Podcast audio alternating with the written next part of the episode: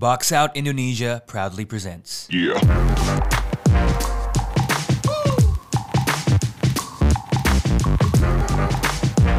Oke, kembali lagi di podcast Atletel Basket. Hari ini kita masuk episode ke-54 Masih dalam edisi season preview Seperti biasa, ada gue Adit yang membawa podcast Di hari ini ada Abi What is up? Ya, Masih dengan line yang sama Ada Jason, what up Jason? What up? Dan ada Faiz Hey yo, what up?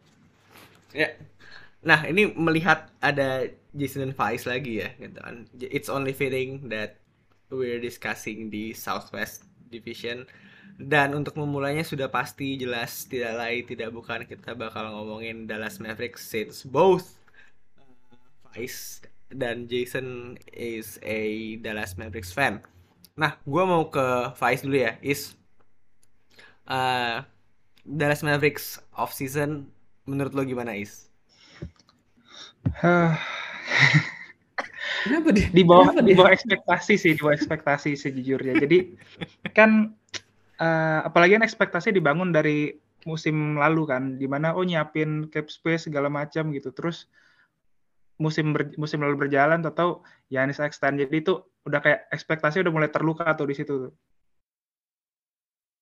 tapi lama-lama pas makin ke sini kayak oh kok gini ya gitu. Jadi ya tadinya berharapnya lebih cuma ya pas lihat kondisi sekarang ya harus berpuas diri dengan Reggie Bullock which gua nggak bilang kalau dia jelek. Dia sangat cocok di sistem Dallas cuma pasti semua Mavericks fans expect-nya lebih gitu gitu sih. Jadi eh, tam- Reggie Bullock tambahan bagus cuma gua nggak melihat itu sebagai eh, dia itu sebagai eh, championship contender gitu. Ngeba- membantu Dallas jadi championship contender karena privilege Dallas punya superstar eh, yang ngangkat timnya dengan rookie kontrak itu habis di musim ini terakhir gitu. Jadi tahun depan kan udah harus berdarah-darah dengan kontrak yang gendut dengan KP dan Luka Doncic dengan 30 plus. Jadi sebenarnya window yang disayangkan sih dilewatin sama Dallas. Eh, eh, gue tidak perlu meniban, gue pengen nanya ke Jason. Jace, lu ngeliat off seasonnya Mavs, mungkin ada yang mau ditambahin nggak selain dari yang tadi Faiz Yeah, bilang? I think apa, especially with Mark Cuban's comments kayak abis the playoffs he basically said ya kita perlu secondary ball handler lah yang we had KP is KP, Luka needs more help tapi at the end of the off season eh belum end sih. Cuma at the end of free agency tetap, tetap aja uh, with basically the same thing cuman swapping out Josh Richardson with Reggie Bullock terus ada Sterling Brown and Moses Brown dan juga ada the French Prince Frank Tilikina. Tapi ya we're still we're still waiting on Goran Dragic. So to my guy Masai Ujiri, like like man, please free free Goran man. He wants he doesn't want to be there. Eh wait wait wait wait terlalu. You said that Dallas needs secondary ball handler. Kan udah dapet. Jason Kidd. Oh Siapa yang Filipina? Bisa nggak tuh dipakai? Masih bisa dipakai nggak sih dia? Udah nggak bisa ya? sekarang deh dia Tyson Chandler juga mau main lagi deh. Ya bring him back man. At this point. Lengkap bro. Eh, tapi ini ya, sebelum gue ke Abi nih gitu kan, maksudnya gue lebih ngelihat seakan-akan ya gitu kan, moga-moga salah gitu ya. Eh, gue ngeliat ada poin di mana Mark Cuban lebih concern dengan eh, front office dan kepelatihan ya. Maksudnya eh, apa namanya? One of the biggest move di off season MF tuh menurut gue adalah dengan hilangnya Bob Bob Harabugi itulah pokoknya. Maksudnya si kita juga udah pernah ngomongin ini sebelumnya kan. Maksudnya ketika Mark Cuban basically mempercayakan eh, apa namanya? his organization kepada seorang penjudi gitu ya. Well, it's not a it's not a good sign kan gitu kan. Game, Yang di game mana- gambling on a gambler. Pas kan? Iya. minus minus ketemu minus jadi plus Itu ya. dia.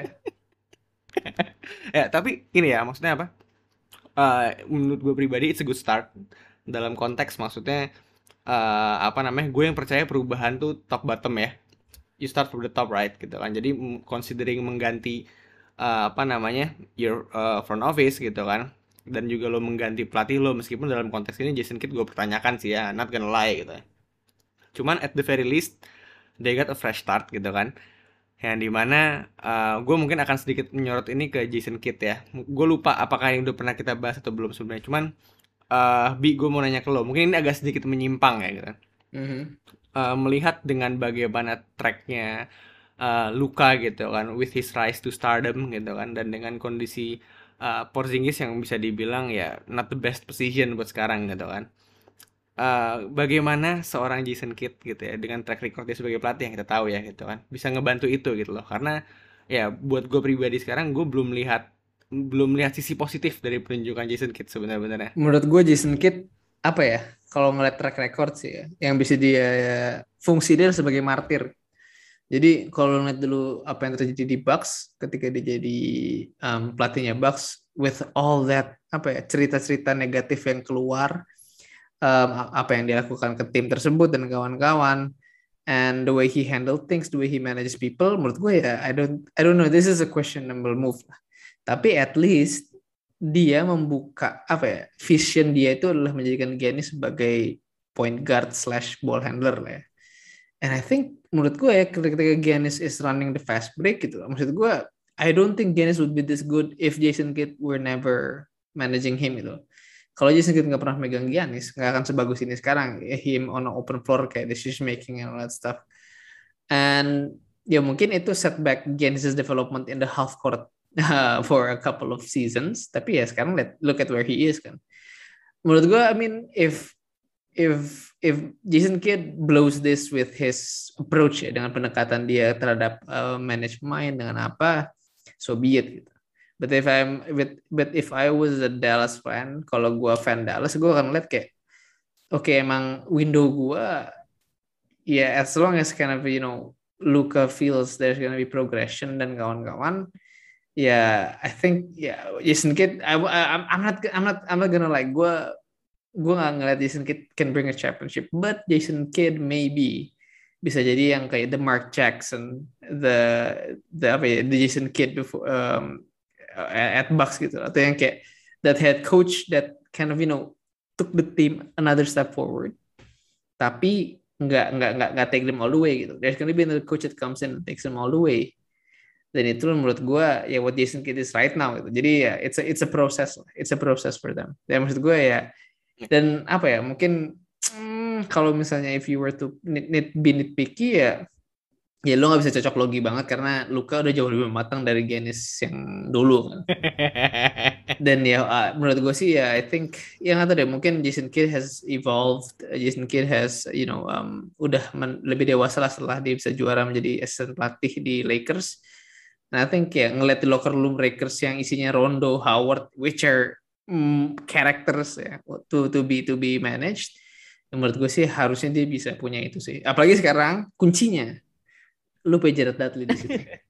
Menurut gue itu bisa off, karena itu bisa offset pendekatan dia terhadap man manajemen yang unik kan. Jared Dudley is a, is a, is a player's yeah. coach. Yeah. Jadi jadi ini ya apa namanya? Yang pertama gue akan bilang sebenarnya Mark Cuban visioner ya. Dia tahu uh, Jason Kidd can take you one step closer ya kan? Meskipun dia nggak akan menyelesaikan itu ya. Tapi dia yang bisa uh, membawa tim ini that one big leap gitu kan?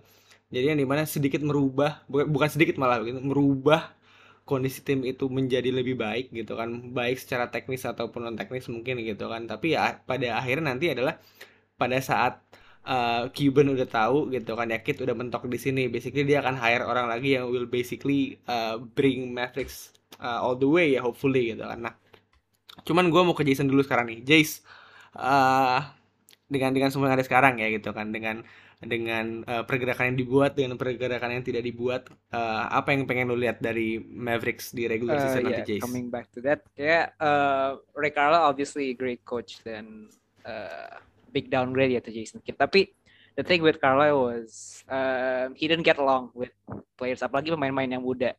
Jadi kayak I think the off-court issues uh, again with Bob Bulgaris, Donnie Nelson that weird dynamic in the front office itu I think it affected the team's performance. I think without that uh, banyak pemain yang sedang termasuk uh, one of the biggest elephants in the room yaitu Kristaps Porzingis or should I say unicorn. yeah, I think with, without Carlisle they should be be able to play more freely and he has that habit where with young players he's he has a very short leash on on them jadi when a young player makes a mistake dia langsung tarik dari lapangan and not play them next few games and as a young player I think that kid with did with Middleton and Yanis I hope he does that with the young players in Dallas Okay. That's interesting. Ya, ya. Nah, eh, mungkin gue mau ke Faiz dulu kali ya. Selain dari yang Jason bilang, lu ada yang pengen lu lihat gak sih, Is, dari Mavericks di season ini? eh gue mau echoing yang Jason bilang sih. Jadi kalau untuk ya Jason Kidd pertama-tama gue nggak suka penunjukannya. yang kedua, tapi satu titik yang bisa di eh, coba dilihat positifnya adalah yaitu tadi eh, dia dengan young player eh, terbukti lumayan lah gitu. Jadi eh, gue juga ngeliat sebenarnya solusi buat Dallasnya sebenarnya ada di roster mereka sendiri gitu. Jadi pemain kayak Josh Green, Jalen Brunson, terus dia udah dapat Moses Brown, uh, Tyrell Terry pun juga itu juga bisa develop. Jadi pemain-pemain itu tadi menurut gue bisa jadi solusi buat uh, nambah ketebalan roster mereka gitu. Walaupun misalkan kemarin nggak dapat pemain yang diinginkan karena kan sebenarnya Dallas itu player developmentnya juga uh, nggak jelek juga gitu karena sebelumnya udah berhasil uh, ngembangin Finney Smith, uh, berhasil ngembangin Kleber juga. Jadi uh, hopefully sih di regular season uh, pemain-pemain muda bakal dapat banyak minutes. Kalau untuk uh, posisi regular season di posisi berapa gue nggak terlalu worry asal nggak ketemu Clippers aja sih. hell no Eh, eh, tapi ini ya, apa namanya? eh terlepas tadi gue bilang bagaimana gue nggak gitu suka dengan penunjukannya Kit gitu kan. Gue mau pointing out kalau misalkan sekarang Kit bisa dibilang ada di lingkungan yang lebih bersahabat bandingin tim-tim di sebelumnya ya. Maksudnya kan, we all know that Cuban basically he always uh, take a good care of his guys kan gitu kan. Maksudnya adalah kalau misalkan dengan ngelihat Kit sekarang ada di bawah naungannya Cuban, mungkin kalau misalkan let's just say Kit uh, ada sedikit issue gitu kan karena salah satu yang uh, gue nggak gitu suka dari Jason Kidd adalah isu dia yang tidak secara langsung ada di lapangan tapi berhubungan ke lapangan kan gitu. maksudnya adalah knowing Cuban gimana uh, apa gue akan kasih benefit of the doubt kalau misalkan Kid bisa lebih fokus ke apa namanya with uh, the game itself gitu kan. Yang di mana Cuban bakal menjadi remnya Kid buat di hal-hal yang lainnya gitu kan untuk menjaga Kid juga gitu kan. But with that being said gitu kan gue mau nanya ke Abi. Bi uh, with the current condition of the Mavericks itself gitu kan uh, lo lihat storyline yang paling bakal banyak diekspos sama media kira-kira apa nih Bi? Kristaps, Kristaps.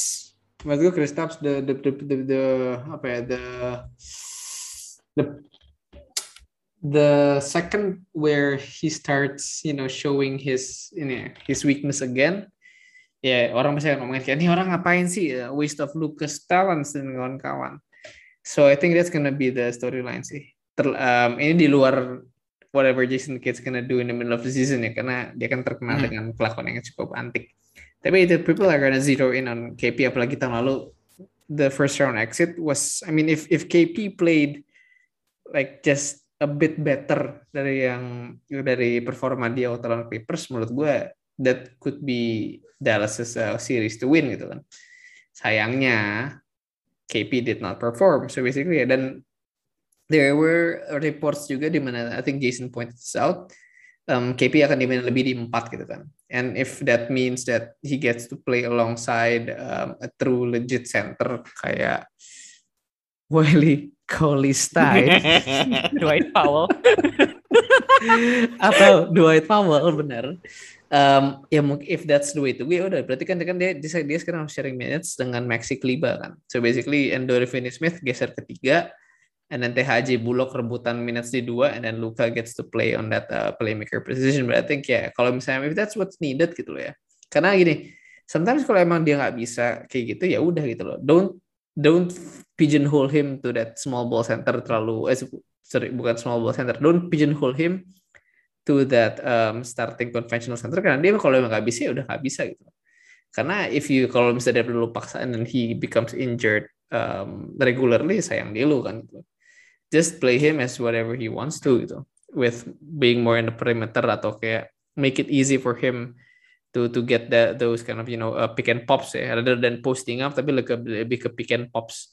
Jadi um, nggak nggak dia nggak megang bola kelamaan. So basically I think those kind of inilah uh, play to his strength first lah build up his confidence. And as Jason said gitu loh tahun lalu regular season dia super efficient banget kan. Tapi again karena ada bias playoffs kemudian dia udah hancur ya yeah, the storyline can easily again magnetize ke dia di mana the moment at the second he makes a mistake it's ya yeah, it, dia banyak akan banyak meme-meme yang ber inilah yang berterbaran nanti di sosial media. Sayangnya itu sih Eh, Jadi moral of the story adalah gini ya. Ketika lo pegang Porzingis yang seorang unicorn, ya lo jangan ekspektasi dia bermain layaknya orang-orang biasa ya. iya harus yang lebih yang lebih unik gitu For better or for worse. Tapi tapi ini ya, maksudnya sebenarnya kan spesifik ngomongin Porzingis kan dalam kondisi yang cukup rumit lah gitu bisa dibilang kan. Maksudnya eh, jelas with uh, how the roster was being constructed, memang ada indikasi bahwa uh, kemarin Carla emang pengen main Porzingis lebih banyak di posisi center sebenarnya kan yang di mana ya apa namanya ada momen terlihat di mana itu berjalan tapi sepertinya lebih kelihatan kalau misalnya Porzingis yang ngerasa nggak nyaman gitu nih mungkin akhirnya apa namanya mempengaruhi aspek permainan yang lain gitu kan. But kalau misalkan memang eventually Porzingis bakal lebih banyak dimainin sebagai power forward di season ini gue fully expect uh, Porzingis bisa bounce back sih gitu kan karena maksudnya apa namanya kalau misalnya kita coba flashback dikit ngelihat apa namanya that pick Knicks Porzingis itu that's a joy to watch man gitu kan dan kalau Yeah. misalkan dia bisa replicate itu dengan catatan sekarang mainnya bareng Luka loh gitu kan. Tidak bareng dengan Alfred Payton gitu kan. Maksudnya we can only see good things gitu kan. Tinggal sebenarnya sekarang uh, menurut gue ini fase krusial dalam karirnya Porzingis. Basically make or break ya. Karena kalau misalkan di season ini Porzingis tidak bisa step up menurut gue it will only go downhill gitu kan. It will only get even worse gitu. Jadi ya we shall see regarding Porzingis gimana. Ah Faiz mungkin ada yang mau lu tambahin lagi nggak soal Porzingis mungkin atau even Mavs secara keseluruhan yang tadi gua Abi belum sebutin Eh, kalau gue storyline-nya sih eh I love Luka. Storyline gue adalah eh musim ini tuh musim pembuktian Luka bisa nggak dia jadi face of the NBA berikutnya gitu. Karena bentar lagi LeBron cabut, Curry juga eh, bentar lagi udah makin tua, kan face of the NBA berikutnya kan ada di tangan Luka, Yanis, eh, Jokic, Young gitu. Jadi ini musim pembuktian buat dia dan eh, gimana cara dia overcome hurdles ya gitu. Karena gue expect mereka akan slow start lagi kayak musim lalu, tapi nanti akan makin panas makin panas di tengah sampai nanti di playoff bisa nggak dia tackle eh, paling nggak lewat dari first round dulu gitu sih.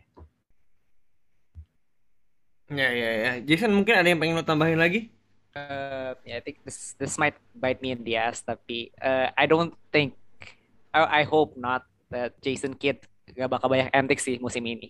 I think I I fully believe that. You you dia udah lebih tame musim you ini. just jinx it, just and KP, I think the I think what I was most disappointed with KP was his regression in defense. I think back in the Knicks he was a very good rim protector, and I'd like to see that uh, side of KP back next season.